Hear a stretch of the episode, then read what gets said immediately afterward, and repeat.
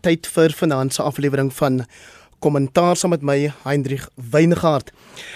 Later in die program sluit die politieke ontleder professor Erwin Swela, Christo van der Rede van Agri SA en Vrye Weekblad se uitgewer en mede-redakteur.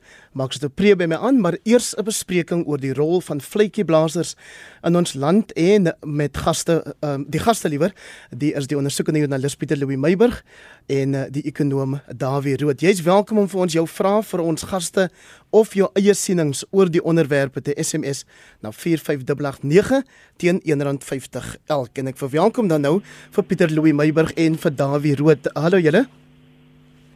Non-Hendrik, non-Hendrik.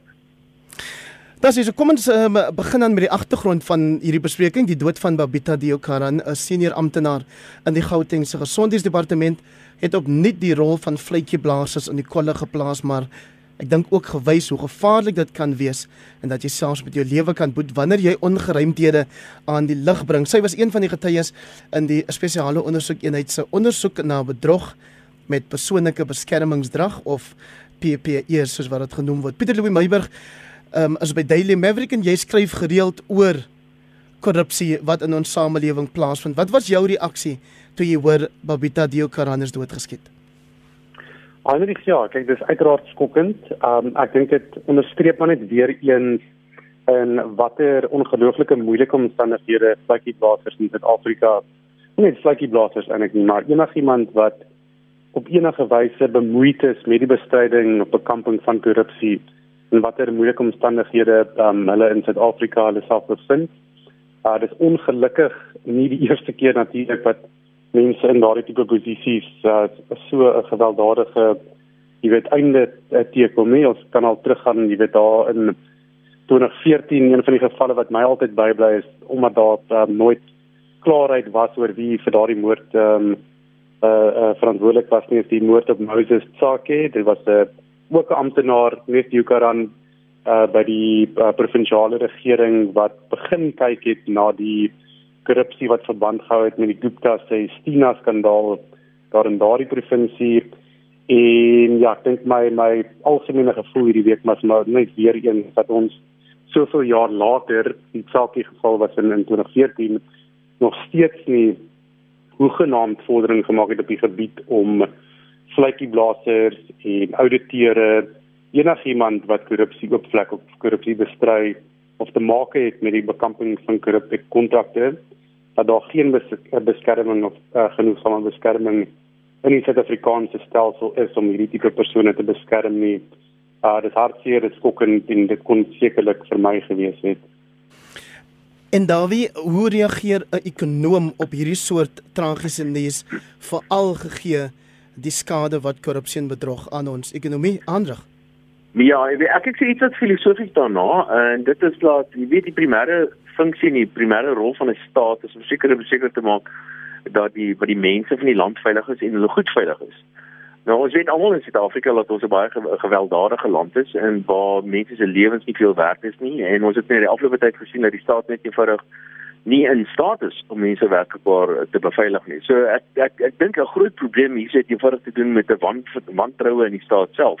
En hierdie wantroue in die staat self, eh, die die verskyn homself nou dat mense reken jy kan wel die kan wegkom letterlik met moord in baie gevalle en dit is ek dink wat hier gebeur het. As ek nie mis dit nie is dan tussen mense in hegtenis geneem en hooplik gaan die die, die ding sê sê sê pad vat uh, vat en uiteindelik gaan ons iemand in die tronk kry uh, as gevolg van hierdie misdaad. Maar ek dink daar's 'n groot geweldige groot vertroue in die staat en uh, en ons weet van baie gevalle, ek het al van heelwat gevalle gehoor en ek dink Pieter Louw gaan vir ons baie meer kan vertel van mense wat reken dat as jy een van die insiders is, as jy een van die korruptes is, dan dan sien jy jou kollegas wat jou gaan vertel by die owerhede as eintlik iemand be, wat besig is om uit te verkoop, uh, wat natuurlik die verkeerde benadering is. By ons moet reeds daardie mense wat korrupsie op hierdie manier aan die kaak stel, moet ons eintlik sien as werklike heroes, as werklike mense wat Suid-Afrika eerste sal en hulle eie loopbaan en hulle eie lewens in baie gevalle in die tweede plek stel. Ehm um, dit kring natuurlik heelwat verder ook uit as ons nie vertroue in die staat het nie, het ons ook nie vertroue in die staat om byvoorbeeld die staatsbeheer instellings te bestuur nie, ons het nie vertroue in die land se ekonomie nie. Daarom investeer ons minder en daarom eh uh, is daar minder ekonomiese groei en alles wat daarmee se gepaard gaan. So ek dink hierdie is maar net een 'n uh, klein stukkie van eintlik een groot wantroue in die staat en alles wat daarmee gepaard gaan. uh, Pieter Lewin in hierdie geval um, is daar ook sprake daarvan uh, dat uh, Babita Diokaran met haar seniors vroeër gepraat het oor dit wat sy op afgekom het, maar skynbaar soos in ander gevalle het dit op doewe ore geval. Hmm.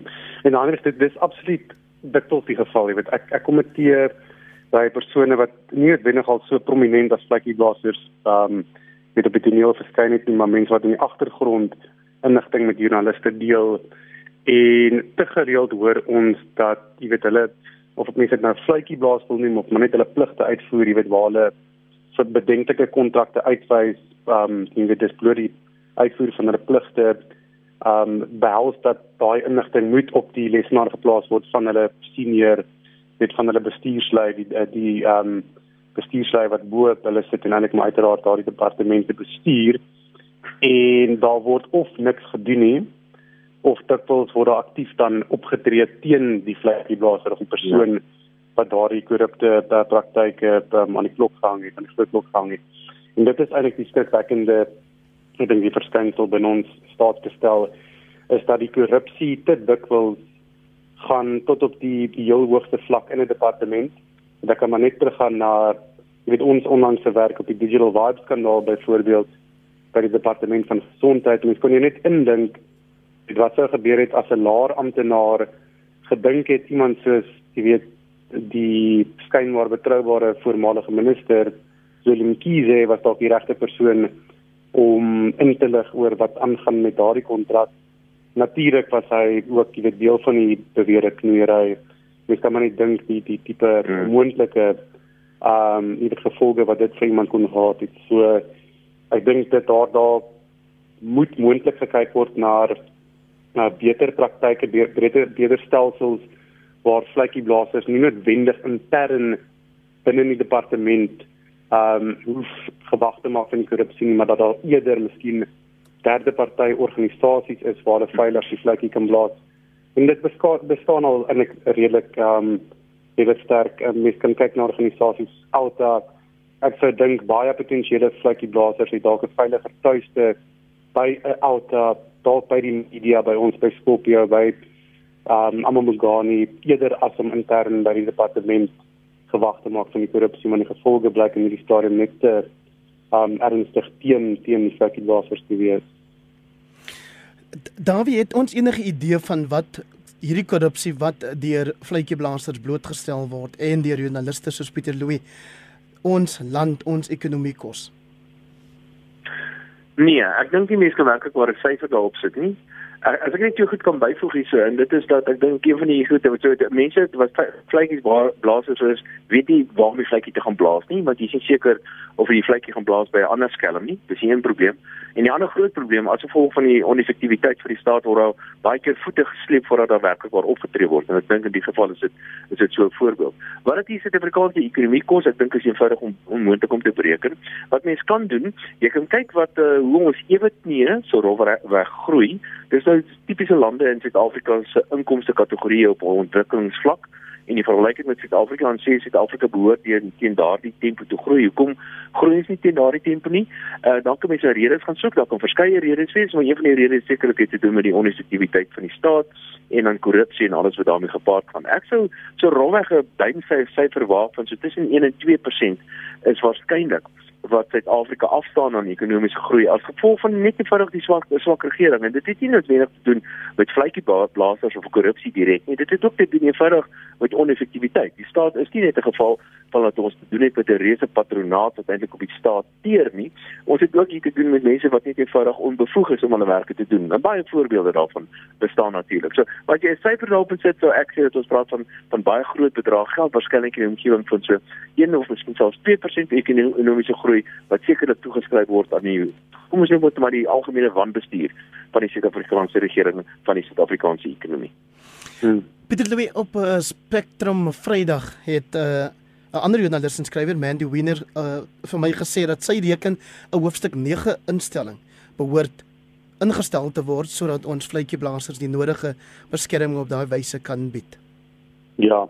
Ek ek ek stem saam met jou. Ek dink dit sluit aan by wat ek vroeër gesê het daai die stad weet daar daar's net te veel risiko's in hierdie stadium vir 'n vlekkieblaser om met binne sy of haar eie departement of staatsinstelling jy weet hierdie korrupsie ehm um, aan te kondig.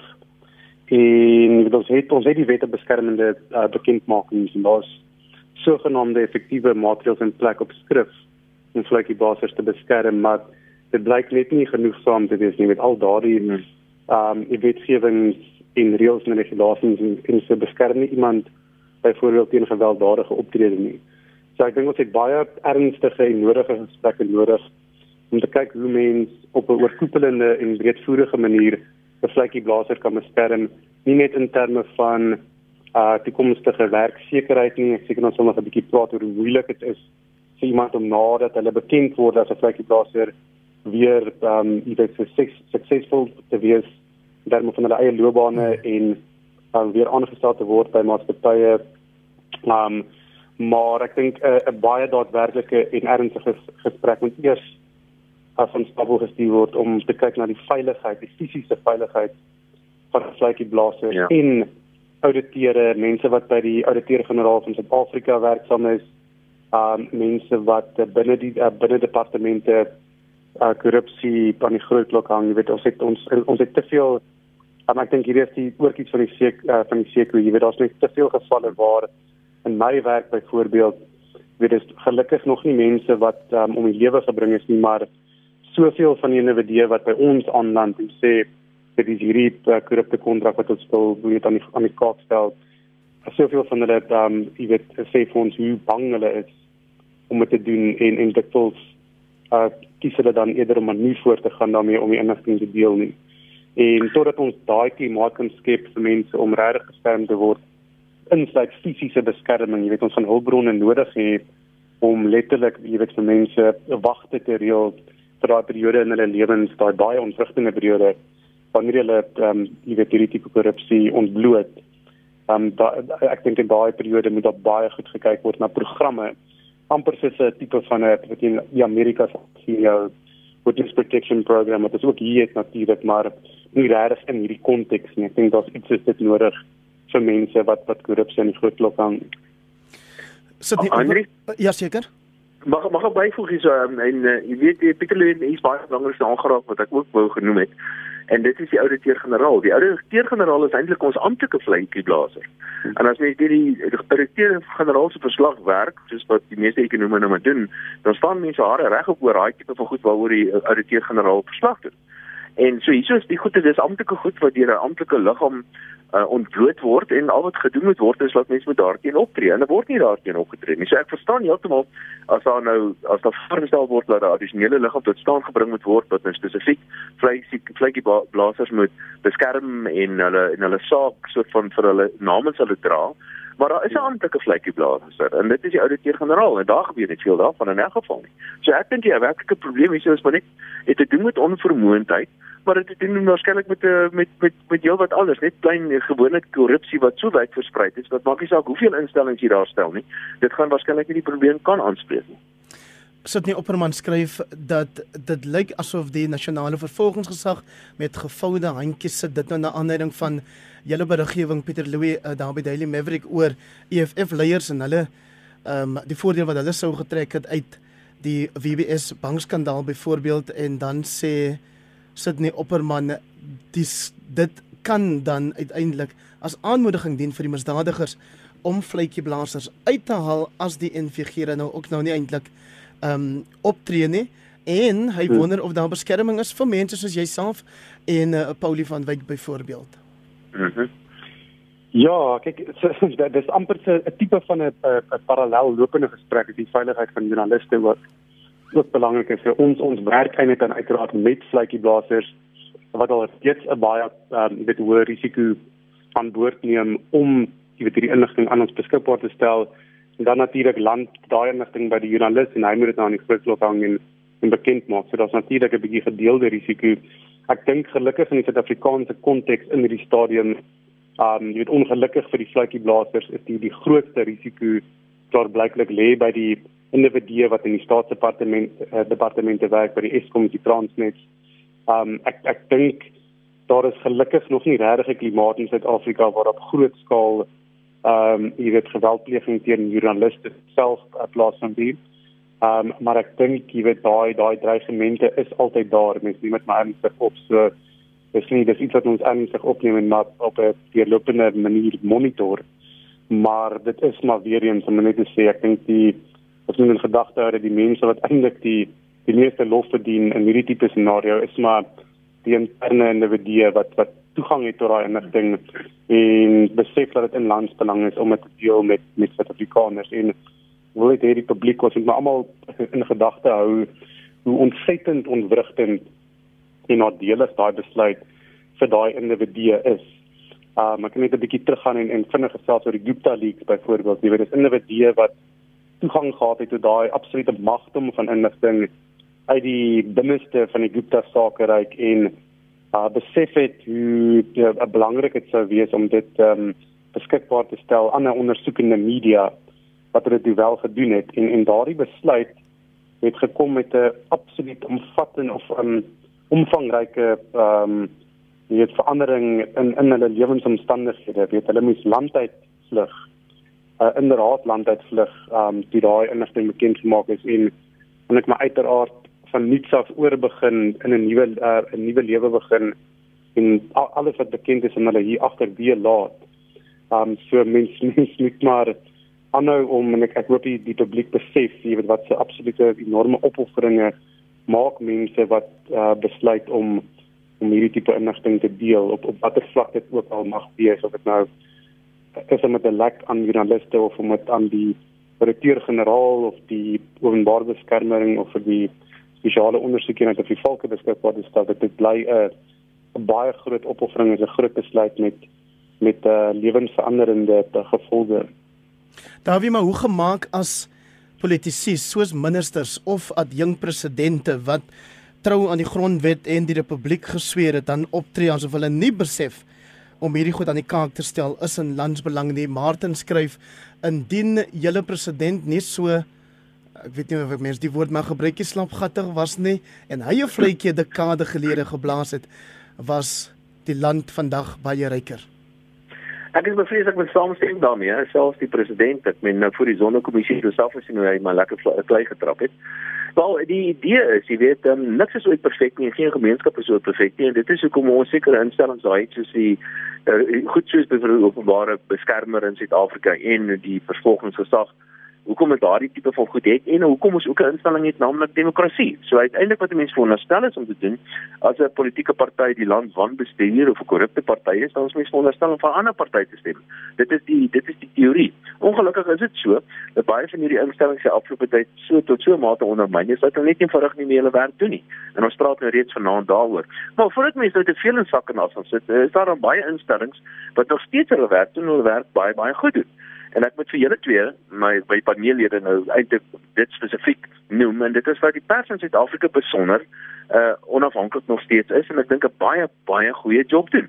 So ten minste kan ons hierdie gesprek voer vanaand en ons kan daaroor praat en julle kan daaroor berig en julle kan dit in die koerant en op die radiostasie sê en doen en julle kan ten minste die publiek daarvan bewus maak. So dit is ten minste daarom 'n instelling wat goed werk en danksy die vrye pers in Suid-Afrika hopelik gaan mense uiteindelik beginne om hulle besluite oor waar hulle daai kruisie wil trek moet gaan begin verander oor tyd.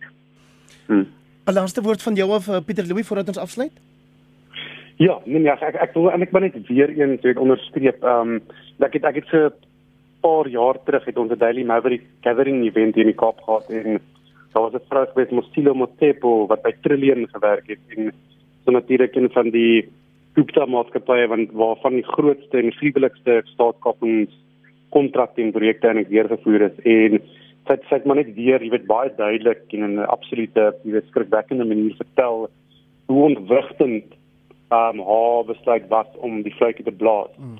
En ek ek dink die punt wat ek net daar wil maak is ek dink die sogenaamde goeie ouens en in die storie sou ek dink dit is die weet die, die privaat sektor in Suid-Afrika, groot maatskappye, kyk vir die finansiële agtergrond.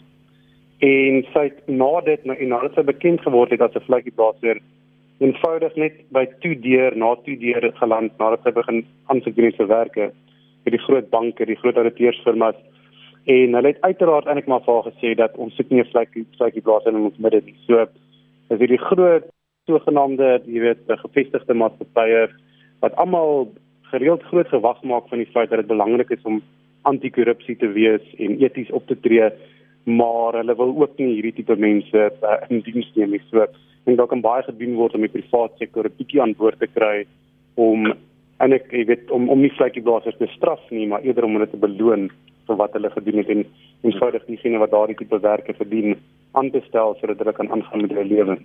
Daar wie ek gaan jou nou ek sal jou onderrig aandoen as ek jou nie 30 sekondes gee om op daai laaste punt van Pieter Louw te reageer nie.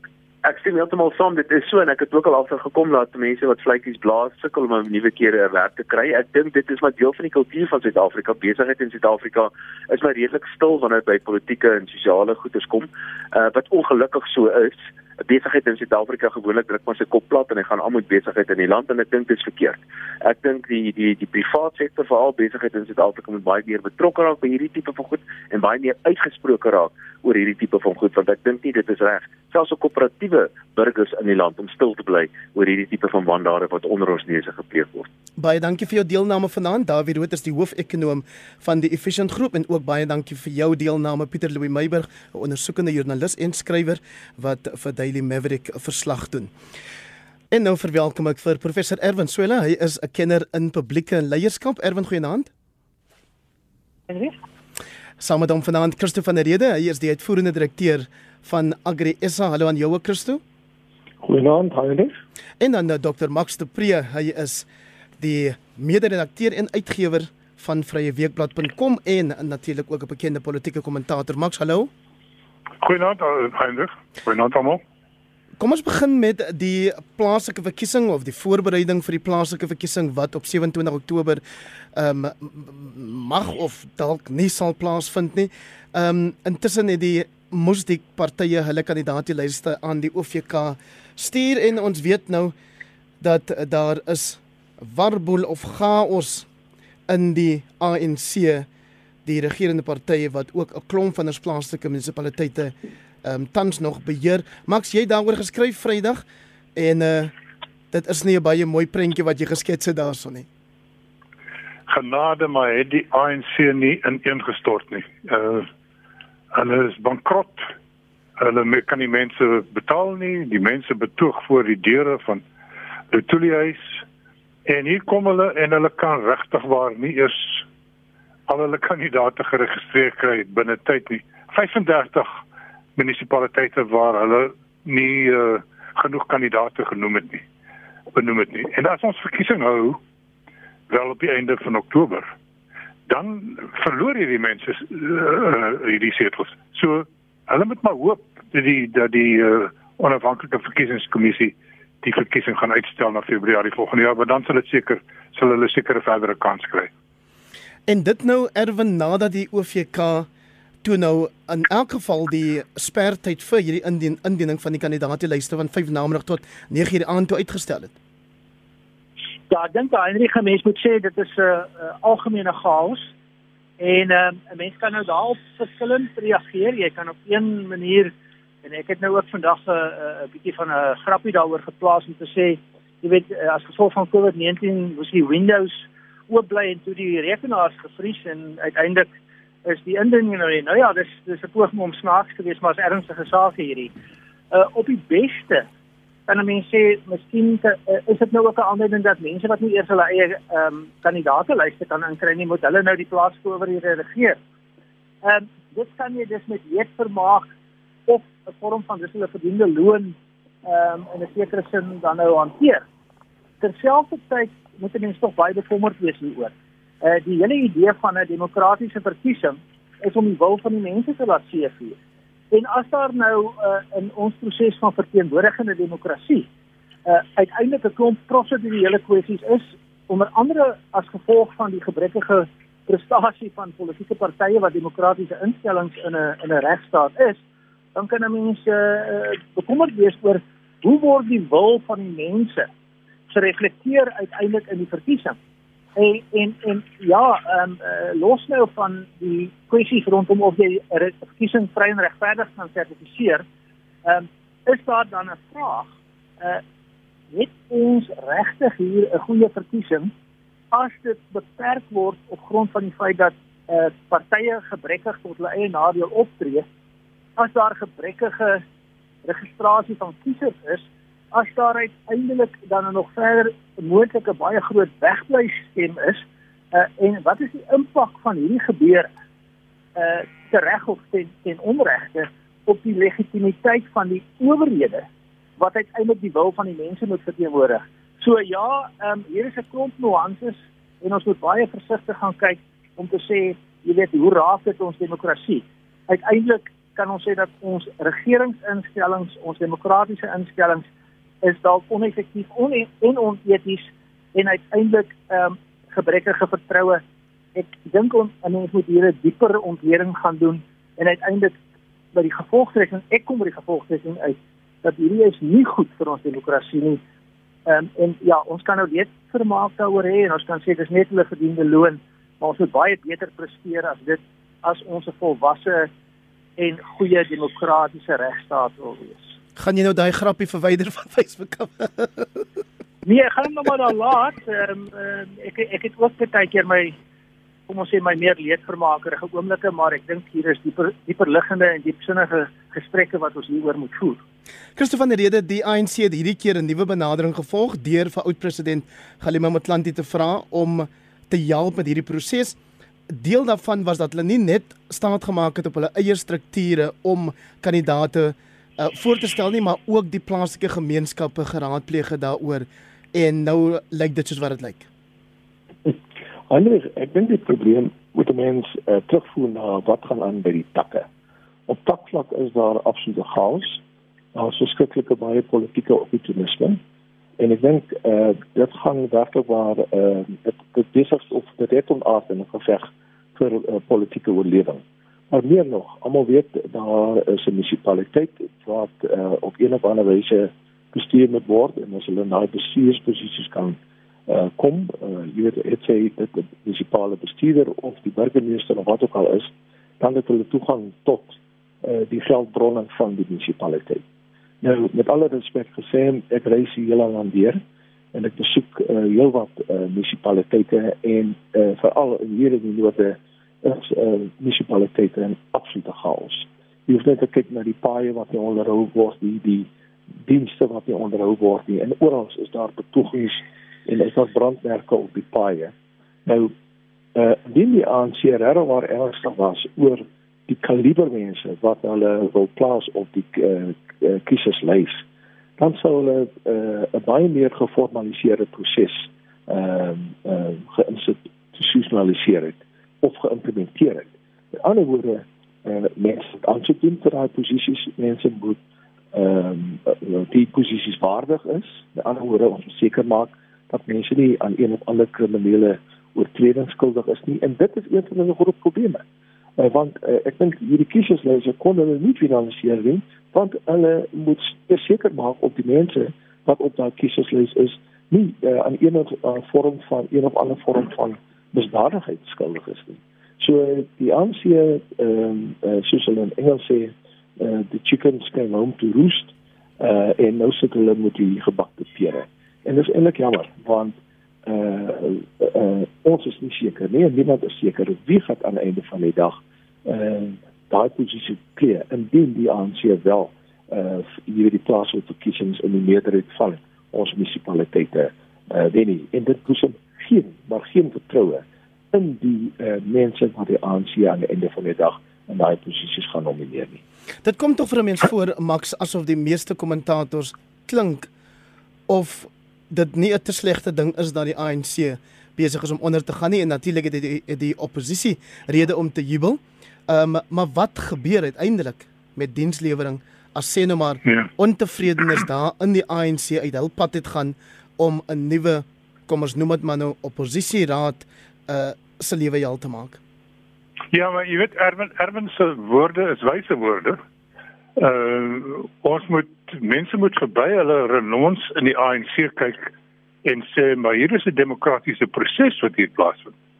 So as hierdie klomp kandidate nie gaan kan staan nie, dan was daar sekerlik mense wat vir hulle sou wou stem en hierdie mense word hulle stem ontneem. So dis die een kant. Nee, by die ander kant natuurlik ja, ek dink uh ek is nie as omstrede as ek sê daar is 'n groot groep mense, waarskynlik selfs al die meerderheid van die land wat sê dis tyd vir die ANC om te gaan. En en hierdie is regtig waar die laagste punt wat die ANC nog was in 109 jaar. Ehm um, en dit kon nie met nicer mense gebeur het nie. My vraag Heinrich is nou hoe lank gaan dit wees voor Ysmagashule gaan kraai en sê kyk as ek nog daar was hmm. so dit glad verloop het. Ehm um, en en en jy het my uitgeskop en toe moes Jessie Duarte die job doen en sê hy het dit nie gedoen nie. En die ander vraag is het Ysmagashule dalk 'n hand gehad in die chaos? Het hy dalk 'n bietjie gesaboteer? Ons sal net daar wat kom seker uitvind. Erwin Swela ek ek wou net vir Max gevra het of hy na my notas gekyk het vooraf nie want hier staan dat Ysma Gasoli se afwesigheid en dan word CR Cyril Ramaphosa ondermyn op die wyse. Maar ons weet ook almal dat raadslede of die pos van 'n raadslid het vir baie mense 'n manier geraak van uit hulle eie armoede uitkom of wat ook al. Hulle hoef nie noodwendig die beste raadslede te wees nie, maar hulle het 'n inkomste en dit is daai inkomste wat maak dat soveel ander ook raadslede wil word. Ja, ek dink die diep sistemiese probleme van ons demokratiese instellings ehm um, is besig om om om ons te tref. En dit het te maak met met uh onetiese, oneffektiewe, korrupte regeer en en administratiewe prosesse Dit het ook te maak in 'n sekere sin met 'n 'n poging om om om die stelsel te suiwer van hierdie klomp uitvalle wat oor baie jare nou nou plaasgevind het en en uiteindelik byna die norm geword het en waarvan af ons nou probeer terugkeer. Ehm uh, as 'n mens byvoorbeeld gaan kyk na die impak van 'n baie goeie stuk wetgewing in in in baie van hierdie gevalle is hierdie beleide en wetgewende maatreëls uh eintlik uh gerig om om dinge beter te maak, maar daar's uh onbedoelde gevolge wat daar uit voortspruit.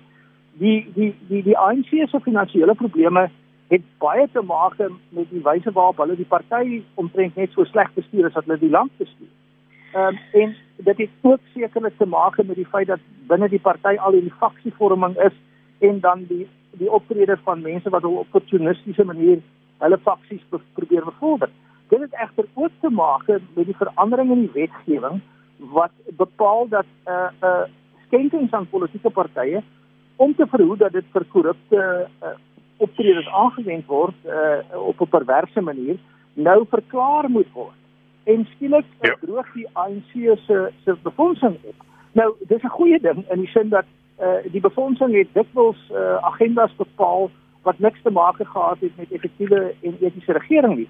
Maar die onbedoelde gevolge is die ANC se geld is ook as gevolg daarvan, nie net as gevolg daarvan nie nou op en nou skakel hulle amptenare. En uiteindelik is dit 'n uh, chaotiese toestand wat ons weer eens of jy nou daaroor uh, goed kan voel om te sê gelukkig gaan hierdie lot nou nie my plaaslike regering bestuur nie, maar dit dit dit, dit stel diepsinnige vrae wat wat ons moet bekyk uh, in terme van die swigting van ons demokratiese instellings. Ehm um, so ja, uh, uh, dis nie iets om oor gemaklik te wees en leedvermakerig alleen te wees en 'n paar grappe te maak soos ek nou ook ironies genoeg gedoen het. Ons sal regtig diepsinnig moet gaan besin oor hierdie hele stelsel en dan terug. Ja, dit is so vir vir baie van hierdie raadslede gaan dit om die dood toe. Ehm um, die, die kandidaate kandidaate lyste ehm um, weet ons mos nou hoeveel eh uh, mededingers is daar rondom want dit is letterlik jou die verskil tussen jou die die, die feit dat jy 'n raadsposisie het is die verskil tussen jou en en die volgende maaltyd of volgende maand se begroting. So die stelsel ongelukkig is besig om ons in die steek te laat en daaroor moet ons baie bekommerd wees.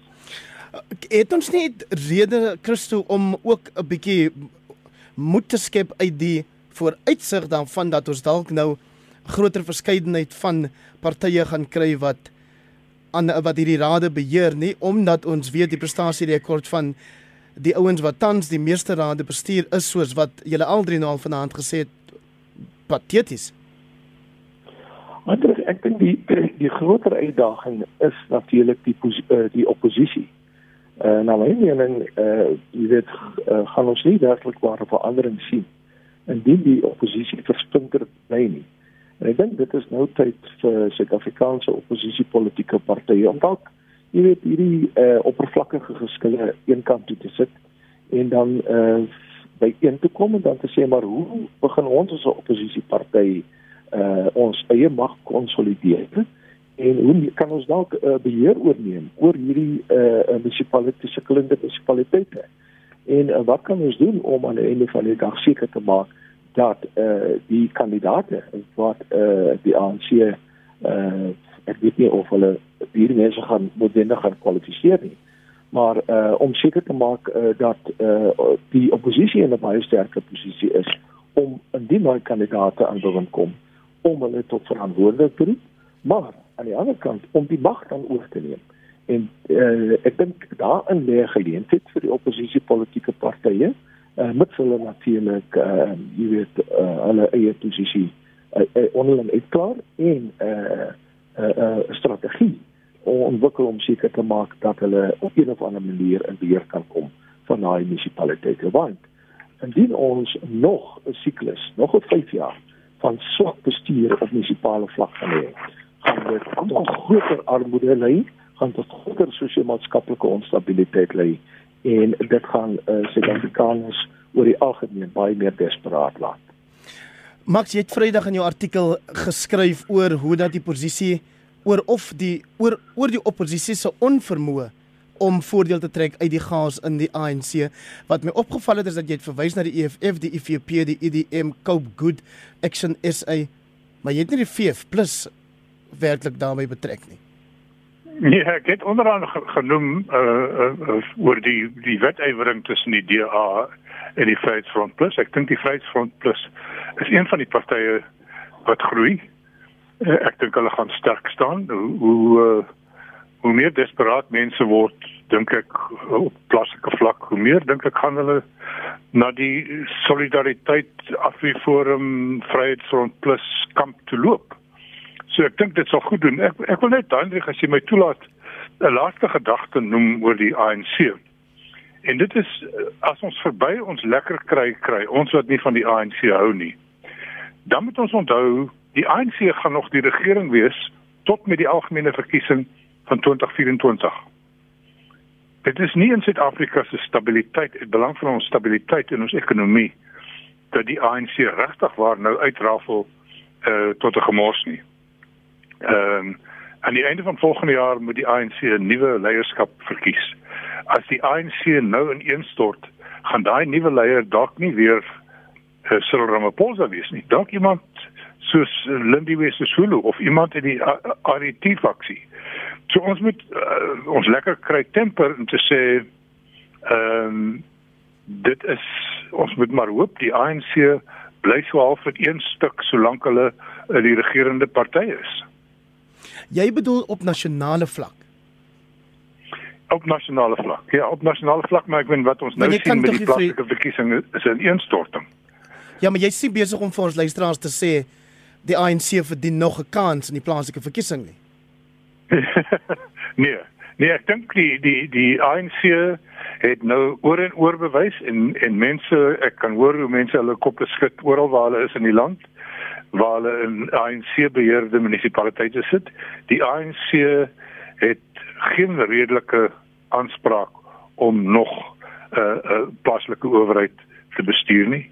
Dit is een van die tragedies van ons tyd ehm um, ons sit met die COVID pandemie, ons sit met 'n sukkelende ekonomie, maar as ons plaaslike owerhede behoorlik gefunksioneer het, dis waar dis waar die staat wat die wat die gewone burger die staat die eerste voel met sy strate met sy met sy veil met sy veiligheid met sy uh straatligte en vullisverwydering en water en so aan.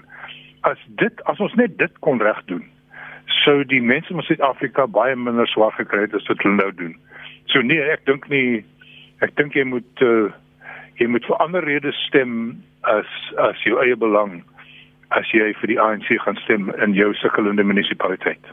Intussen Erwin uh, lyk dit vir my dat die DA of die blou trein laat sy eysterwiele rol want hulle het hierdie week gesê ons is gereed hier is ons kandidaate vir die metros en die meeste sogenaamde B munisipaliteite ook. Ja. En uh, dit is gedoen um, met 'n uh, besondere soort van 'n finesse.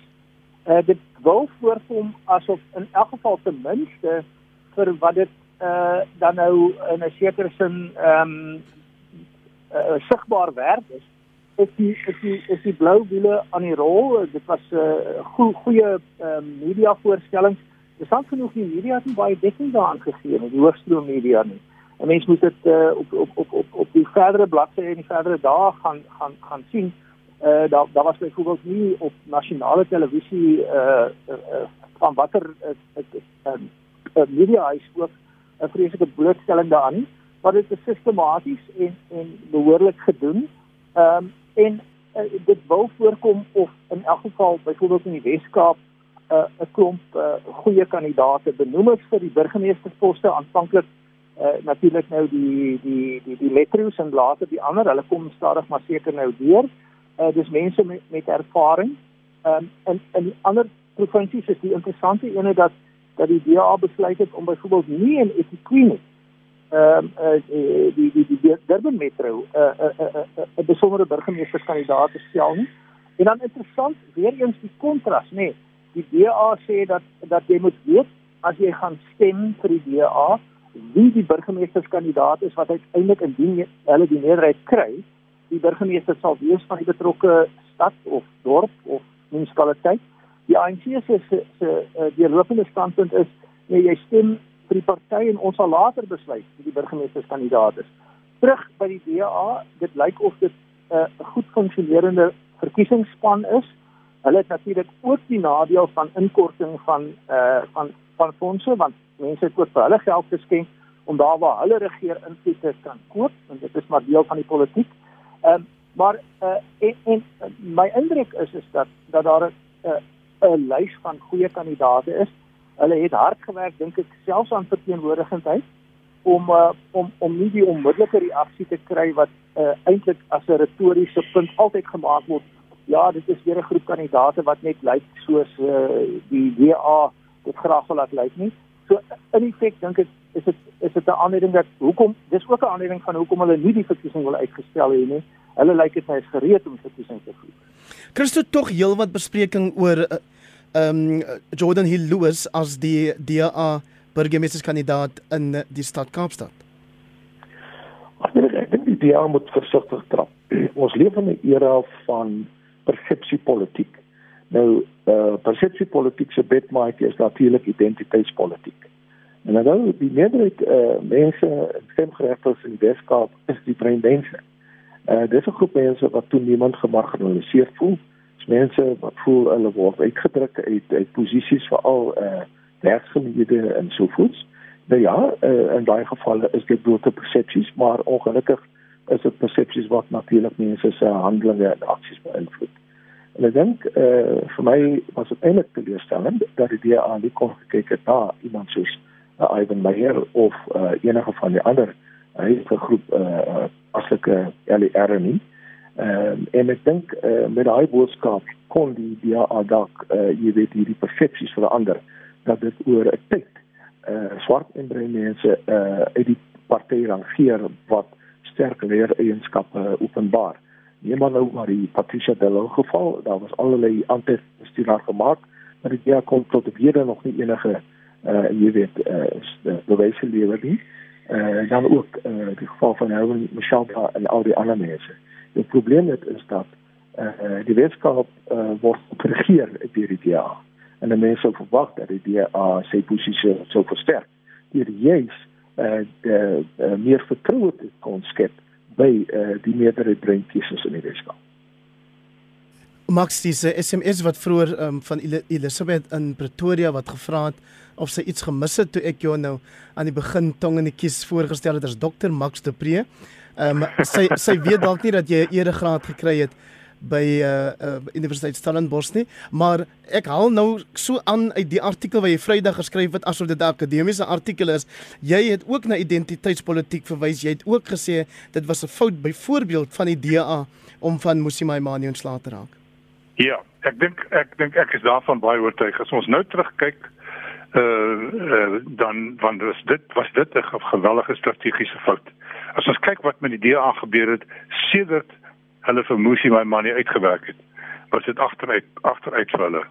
Ehm um, en uh, ek sê nie Musi Maimane was die mees dinamiese ervare leier nie, maar hy was 'n simbool van politiek wat nie net demografiese demokrasie weerspieël nie.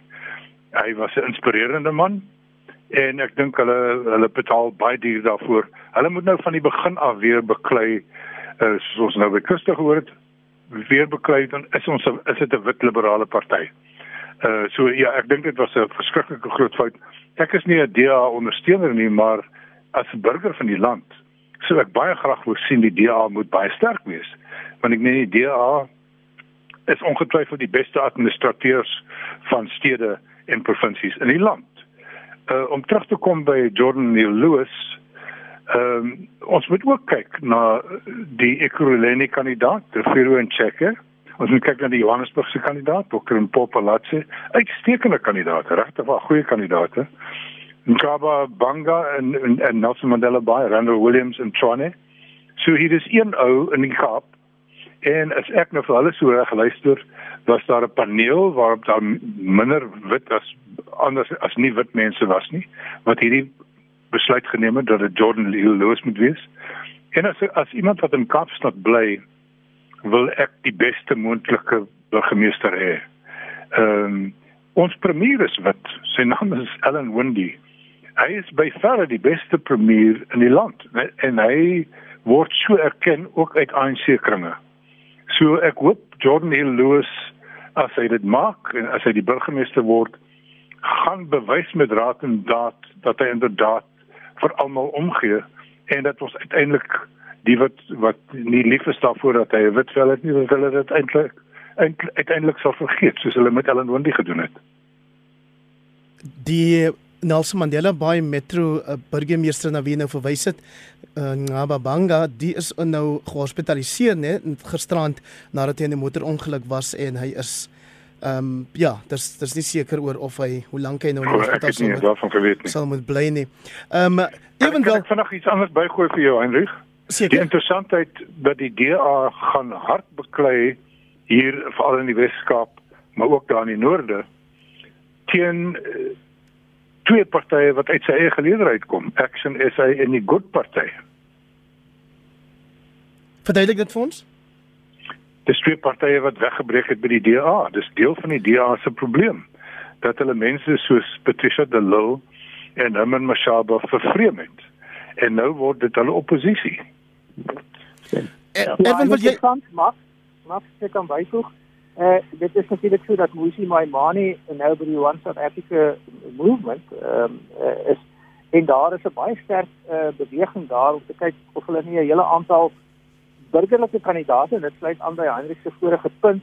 Jy weet dat uh, het ons hierdie beroepspolitisie nodig maar daar's 'n baie sterk poging om te sê kan hulle um, ook na aanleiding van die grondwetlike hof uh, wat 'n uitspraak gelewer het dat die kiesstelsel op, ook op uh, nasionale en provinsiale sfeer uh, moet verander is daar 'n poging van die uh, Musimai Mane eh, groepering en die beweging om 'n klomp onafhanklike kandidaate te begin stel uit uit burgerlike verenigings, belastingbetalers uh en ander burgerlike verenigings. So uh, daai politieke landskap is ook aan die verander. Uh, uh, so ehm uh, um, ja, dit is nie net goed ehm um, en, en en Herman ehm um, ehm um, Mashaba nie, maar maar Musimai Mane is ook op die oomblik bedrywig op plaaslike owerheidsvlak. Miskien het Heinrich, uh, ons moet ook nie die patriotiese alliansie. Dit is 'n redelike onbekende faktor nog uh, tot die hierdie stadium. Maar uh, dit is 'n party wat uh, die die DA se se se se kieserskop, se tradisionele kieserskop nog verder gaan besplinter. En en uh, dit bring dit by die punt dat uh die DA sal hierdie persepsies moet bestuur, maar hy sal daadwerklik 'n poging moet aanwend om uh, die kieserskorps agter hom te skaar want uh, indien die uh, ANC uh, jy weet in enige ander party se hande val uh, veral uh, of die Weskaap uh, die bestuur van die Weskaap en die ander party se hande val uh, weet mense wat die implikasies daarvan kan wees nie en die DA se se dienstrekord is goed ons kan nie daarmee stry nie maar uh, ek dink die groot uitdaging bly hierdie goed wat uh hierdie hierdie geraamtes in die kas wat net nie tot 'n einde tot 'n wil kom nie. Hier teen uh, die muur in die ateljee is 'n horlosie waar 9 uur nou baie vinnig aangehardloop kom. So ek wil hê ons moet asseblief ook praat oor die nuwe werkloosheidssyfer wat hierdie week bekend gemaak is. Ehm um, in die eerste kwartaal was dit 32,6% en nou het dit in die tweede kwartaal gestyg na 34,4% en dan weet ons natuurlik Erwin, daar's ook allerlei ehm um, meningsverskille oor die definisies wat ons gebruik, maar dit is erg. Dit is en dit is weer eens een van daai dinge en ek herhaal myself vanaand uh, heel wat. Ons het ernstige diep sistemiese regeer en ekonomiese probleme en dit het dikwels te maak met die vooropstelling van ideologiese denke eerder as pragmatiese denke. So mens kan gaan kyk nou na die werkskepingssituasie of die werkloosheidssituasie afhangende van watter perspektief jy neem en dan kan jy begin met eintlik dink ek twee teenstellings. Jy kan sê die een ideologie sê die staat moet werk skep. Die ander ideologie sê die staat moet in 'n sekere sin voorwaardes skep waaronder dit makliker is vir enige iemand die staat in pleis om werk te skep. Maar as jy nie daarbey gaan uitkom om baie grootskaalse en en ek is nie 'n voorstander van van 'n uh, 'n uh, 'n soort van 'n liberale ideologie weer wat alles privatiseer en waar die staat 'n soort van 'n nagwaakstaat word uh in die uh, inteendeel. Ehm um, daar's baie waarde in die konsep van 'n ontwikkelingsstaat. Wat ons egter in Suid-Afrika het is dat die ideologiese drif ehm um, wat werk met 'n uh, 'n uh, 'n uh, vorm van van 'n uh, uh, herverdeling ten ten alle koste waar jy eintlik die produktiewe dele van die ekonomie wat waarde moet skep, wat welvaart moet skep onderdruk en dan het jy minder om uit te deel. Daai soort van ideologiese sieninge is die goed wat uiteindelik lei na die werkloosheid en dit word maar gekenmerk deur hierdie teenstellende twee uitsprake wat sê die staat moet werk skep of die staat moet die voorwaardes skep waaronder ons almal kan werk skep. En ek is absoluut oortuig daarvan dat uh, die probleem kom in dat die staat probeer om werk te skep want hulle ideologie is nog 'n soort ehm um, ehm um, wil ek amper sê maar euse maar dis nie maar euse nie dis hierdie hierdie sentraal-Europa sieninge ehm um, wat eintlik nog beïnvloed is deur deur deur die die die die, die koue oorlog tipe ideologie en dit gaan nie werk nie ons moet die, ons moet die arbeidsmark baie vryer maak. Dit sê nie noodwendig privatisering nie. Ons moet baie meer dereguleer. Ons moet baie meer geleenthede skep dat dat byvoorbeeld die minimumloon het waarde, maar maar as daar soveel mense werklik werkloos is, dan dan dan help dit niks. So ja, ek ek ek kan nie sien dat ons met die huidige beleide en ideologieë uh, gaan werk skep nie, nie die staat nie. En ons het baie geskiedenis dat hulle dit nog nie kon regkry nie. Ehm um, die private sektor moet in die geleentheid gestel word om met goeie ekonomiese beleide werk te skep. Ek moet vra dat julle julle asseblief nou um, Max en Christo beperk tot 1 minuut as dit moontlik is. Ehm um, ek het gedog Christo dat die landbou is 'n sektor wat groei en wat gegroei het selfs nou ten spyte van die pandemie, maar ek sien selfs daar by julle was daar 'n toename van 7,8% tot 8,7% of 63000 werksgeleenthede wat verlore gegaan het. Anders nee, die die uh, die landbousektor het 'n toename getoon in in in in in in sy werkerskop. Eh uh, so uh, ek dink eh uh, gegee die feit dat dit eh uh, baie in in, in sekere areas uh, jy weet van hoë getalle werkers eh uh, gebruik maak. Eh uh, het dit eintlik die die eh uh, die sektor het so gegee. Nou sitrus het baie goed gedoen en uh, van die ander eh uh, sektore ook. Maar wat ek wil beklemtoon aan is, enige ekonomie uh word gebou op mededingendheid. Met ander woorde, selfs tot op die laagste vlak van jou ekonomie, die plaaslike vlak, uh, dan jy weet provinsiaal of nasionaal, as jy dit kan leer nie, dan moet jy weer in noodwendig sluit. En dit is die probleem. Ons vervaardigingssektor is lankal nie meer mededingend nie. Ons uh ander sektore is lankal nie meer mededingend nie en dan word ons uh mynbousektor en ons landbousektor so oorgereguleer dat dit ook in die toekoms baie meer onmededingend gaan raak. En die vraag wat die regering moet homself vra is, indien ons werk wil skep, hoe maak ons seker dat ons besighede kan beter met die res van die wêreld? En daai antwoord bly ons ontdek. Ek wil hê met eh uh, vir sit die presidente sê dat hulle het hulle syfers verkeerd gekry wat hulle sê wat hulle van statistieke Suid-Afrika afgekry het, maar baie dankie vir daai perspektief. Max de Pre, ons sien ook dat daar Onder die verskillende bevolkingsgroepe natuurlik uh, verskillende syfers is van werkloosheid uh, in die swart groep um, 38% bruin 29% Indiërs en Asiërs 20% en wit 8 tot byna 9% nou. Wat vertel ja, dit is ons? Dit is maar die werklikheid van ons en ek dink die die twee die twee syfers wat vir my verskriklik uh, ruk is hoe hoog die die uh, werkloosheid onder swart vroue is en dat 65% van jong mense tussen 15 en 24 wat nie op skool of op universiteit of college is nie werkloos is. Hulle staan in die, dus in die oggend op en maak 'n paar huis doen 'n paar huistaakies en dan gaan staan hulle op die straathoek. Dit is dit is 'n gevaarlike uh, toedrag van sake. En op daai noot wil ek baie dankie sê vir julle deelname vanaand. Max de Pre van die Vrye Weekblad.com, Christo van Rede van Agri SA en professor Erwin Swela van die Huguenot College op Wellington. Baie dankie ook aan my twee vroeëre gaste, dis Pieter Louw Meiburg van die Daily Maverick en die bekende ekonom Dawie Rood. Ek groet tot volgende keer en ek wens jou 'n goeie en 'n gesonde week.